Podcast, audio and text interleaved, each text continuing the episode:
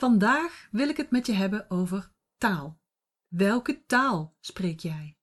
Want de taal die je spreekt heeft gezorgd voor het leven wat je nu leidt. En misschien fijner om te horen, de taal die jij gaat spreken gaat zorgen voor jouw toekomst.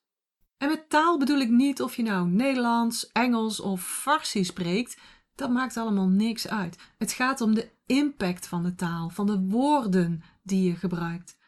Onze taal is zo rijk. En nogmaals, het maakt niet uit in welke taal je praat of denkt, want iedere taal is rijk.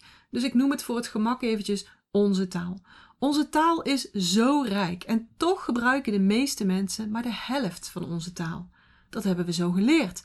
Dat doen andere mensen ook. En tja, waar je mee omgaat, daar word je mee besmet. Maar vandaag wil ik je prikkelen om dat anders te gaan doen. Om je leven hiermee een stuk makkelijker te maken. Om hiermee ruimte te scheppen. Ruimte in je hoofd, in energie en in tijd. En om hiermee een voorbeeld te zijn voor je omgeving. Taal dus. Taal is een tool om direct je energie en je energiefrequentie te veranderen. En daarmee is het dus een, een fantastisch tool om direct ruimte te scheppen. Ruimte die je weer kunt gebruiken om, nou ja, om, om, om even niks te doen. Om even lekker te genieten. Want hoe vaak doe je dat? Of om nieuwe ideeën uit te werken. Of ruimte om lekker even door te pakken op die ene taak die je echt vooruitbrengt in je business. That what moves the needle. Want heb jij dat verlangen ook? Dat verlangen naar meer ruimte, meer energie en meer tijd om die volgende stap te zetten in je bedrijf, richting jouw missie. Meer ruimte, want je kunt niet harder werken. Je kunt niet meer gaan werken. Die tijd heb je gehad. Je wilt het nu anders aanpakken, zodat je die ruimte krijgt en voelt. En het niet meer duwen en trekken wordt, maar veel meer vanuit ease en vanuit flow, meer expansie. Dat kun je allemaal creëren. Maar het komt niet van buitenaf aangewaaid. Dat gaan andere mensen niet voor jou regelen. Dat kun je en dat moet je zelf creëren, want dat komt van binnenuit. En je hebt alles hiervoor al aanwezig. Je hoeft het alleen nog maar te activeren. En een belangrijk tool hierin is taal. Wat zeg jij? Wat denk jij? En zoals ik al eerder zei, de meeste van ons zijn gewend maar de helft van onze taal te gebruiken. De donkere kant, de negatieve kant. Taal die de focus legt op dat wat er niet goed gaat. Op wat stom is, wat, wat ongelukkigheid benadrukt. Angst, armoede, tekorten, rouw, eh, moedeloosheid, wanhoop, beperking. Let er maar eens op. Wat hoor je om je heen? Waar praten mensen over? Tegen elkaar. Ga eens een uurtje met een bakje thee in de jumbo staan. Wat hoor je mensen dan tegen elkaar zeggen? Waar praten ze over? Ik denk dat ze merendeels in die negatieve helft van de taal zitten. Dat ze woorden gebruiken om situaties te beschrijven die merendeels in die negatieve helft van de taal zitten. Zet de televisie maar eens aan. Sowieso iets waar ik helemaal geen fan van ben. En dan wel om precies die reden. Wat zeggen mensen? Wat zeggen mensen tegen jou? Wat zegt je moeder als je even langs gaat? Wat zegt die vriendin die je even belt? Wat zeggen je klanten? Wat zeggen je business buddies? Ga er maar eens op letten welke woorden zij gebruiken. Of emojis in tekstberichten. Hoe vaak krijg jij een berichtje wat aangedikt is met vijf sad face emojis? En hoe zit het met de andere helft van onze taal? Hoe vaak hoor je woorden aan de lichte kant, aan de positieve kant van onze taal?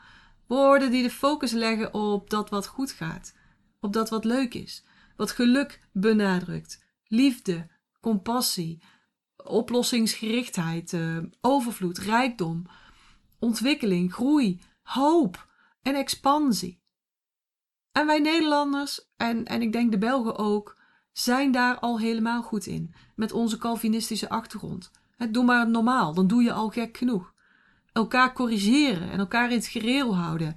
Dat kunnen we echt heel goed, verbaal ook. Dat doen we onze mond wel voor open. Maar als het gaat om iemand aanmoedigen, om complimentjes geven, nou dan blijven de lippen stijf op elkaar. Amerikanen zijn hier bijvoorbeeld heel anders in.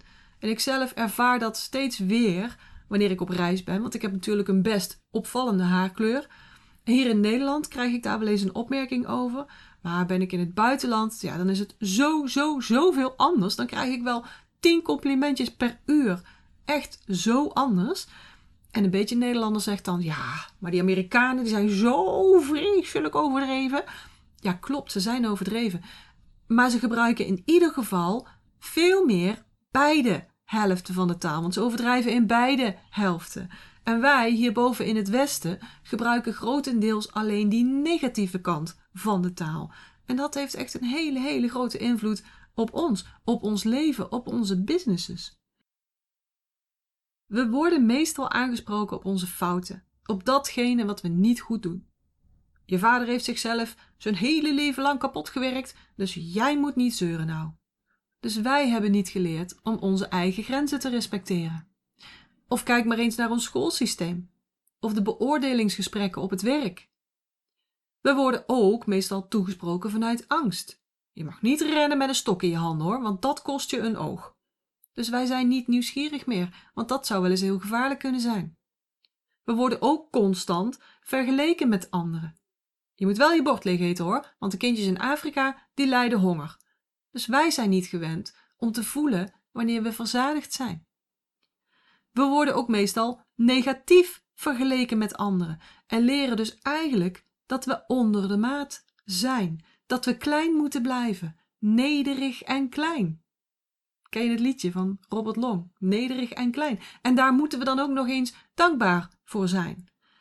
En dat vinden sommige mensen misschien oké voor dit leven. Maar jij, als jij naar deze podcast luistert, dan weet ik dat dat voor jou niet oké is. Je wilt niet oké. Je wilt niet een zesje. Jij gaat niet voor de kruimels. Je wilt niet klein blijven, maar je wilt groter. Je wilt meer. Maar je beseft ook dat je het dan anders moet gaan aanpakken. Want meer werken en harder werken is geen optie.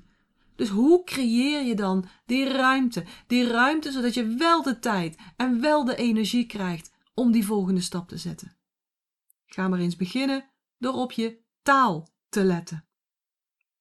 Kijk, en, en je kunt best praten over iets wat niet gaat zoals jij dat zou willen. Iets waar je last van hebt. Maar dat kun je doen op verschillende manieren. Je kunt zeggen: Oh, ik worstel daar constant heel erg vreselijk mee. Maar het kan ook anders. In plaats van zeggen dat je worstelt, kun je ook zeggen dat je het een uitdaging vindt. En is het wel waar dat je daar constant mee bezig bent? Nee, waarschijnlijk niet. Dus constant kun je ook beter vervangen. En heel erg vreselijk zou je ook kunnen onderzoeken of dat wel helemaal waar is. Je zou dus ook kunnen zeggen: dat vind ik af en toe best een uitdaging. Of gewoon: dit vind ik best een uitdaging. Maar voel je hoe anders dit al is? Hoe je jezelf hiermee al in een volledig andere energie plaatst. Voel nog maar eens. Zeg maar eens tegen jezelf: Oh, ik worstel nog constant heel erg vreselijk hiermee. Voel maar eens wat dat met je doet, wat dat met je energie doet. Doe maar even. Voel je die contractie? Nou, laat maar weer even los. Adem maar een paar keer goed even diep in en uit. Maar weer los die energie, laat maar weer los die contractie en kom met je energie weer terug naar neutraal. Ja, ben je er weer? En zeg dan eens tegen jezelf: Dit vind ik best een uitdaging. En voel eens wat er gebeurt. Voel je dat verschil? Die eerste zin geeft acuut een enorme contractie van je energie, en bij die tweede zin is dat veel minder, terwijl we het over hetzelfde onderwerp hebben. Ik zeg dus niet dat je niet meer mag praten over dingen die niet gaan zoals jij het zou willen of zoals jij verwacht had, ik zeg ook niet dat je alleen maar aan fijne dingen moet denken, aan liefde en aan bloemetjes. Want nee, zo werkt het niet. Is ook niet goed. Er bestaan altijd twee kanten en die zullen er ook altijd blijven zijn. Maar het is aan jou de keuze wat je ermee doet en welke taal jij kiest om te gebruiken wanneer je daarover praat of over denkt. Want wat ze zeggen gaat ook jouw taal worden en dus ook jouw denktaal. Want wat gebeurt er bijvoorbeeld met jou op het moment dat iemand jou een complimentje geeft? Wat denk jij dan? En vaak zeggen we dit ook nog eens hardop. Ah joh, valt wel mee hoor. Nou, was in de uitverkoop hoor. Of we hebben het echt met z'n allen gedaan hoor. Het is niet aan mij, we hebben het echt met z'n allen gedaan. Dus vaak protesteren we bij die positieve woorden. We wuiven ze weg. We maken onszelf weer klein. En we laten dus ook vaak die, die, die positieve helft van de taal niet eens binnenkomen. Het doet iets met ons. We raken een soort van uit balans daardoor. Maar waarom is dat nou? Waarom gaan we toch niet staan voor onszelf? Waarom maken we onszelf niet juist groter? En waarom moedigen we anderen niet aan om datzelfde ook te doen? Op zich, fysiek gezien is het wel logisch. Ons brein maakt dat we eerder focussen op iets negatiefs dan op iets wat goed gaat. Dat is een beschermingsmechanisme, een overlevingscapaciteit. Oh, pas op, die afgrond. Oh, niet doen, die besjes zijn giftig. Oh, kijk uit, achter je, grote tijger. Het is dus logisch dat we dit doen. Ze hebben er zelfs een naam voor: een negativiteitsbias. Bias. Maar het is niet handig en het is ook niet nodig in deze tijd. Het is wel nodig om die negatieve kant van dingen te zien, om die ook te zien. Maar het is niet nodig om daar negatief over te praten en over te denken. Want dat doet het. Negatief praten creëert negatief denken.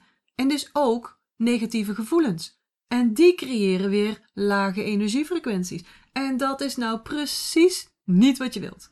Want lage energiefrequenties geven contractie. Precies het tegenovergestelde dus van ruimte. Minder ruimte, meer zwaarte, meer worstelen, meer tijdsdruk, meer overload. Allemaal wat je niet wilt.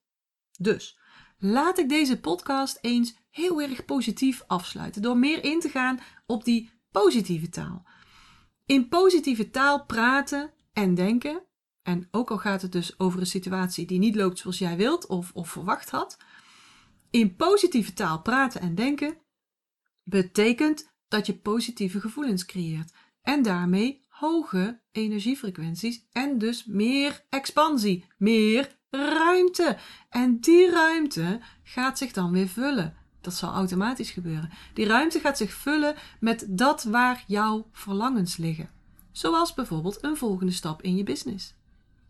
Dus mag ik je uitdagen? Mag ik je uitdagen om vanaf nu heel goed op je woorden te gaan letten? Woorden die je hardop uitspreekt en woorden in je hoofd. En ga er eens bewust voor kiezen om positieve taal te gebruiken. En betrap je jezelf op het gebruik van negatieve taal, corrigeer het dan. Zachtjes, wees niet zo hard voor jezelf. Je bent iets nieuws aan het leren, dus daar mag je in oefenen. Maak er dan een zin van met positieve woorden. Dat moet je misschien ook leren. Mag allemaal. En je zult merken als je dit gaat doen dat je er beter in wordt. Beter en beter en dat het steeds automatischer zal gaan gebeuren. En dan gaat er heel veel veranderen.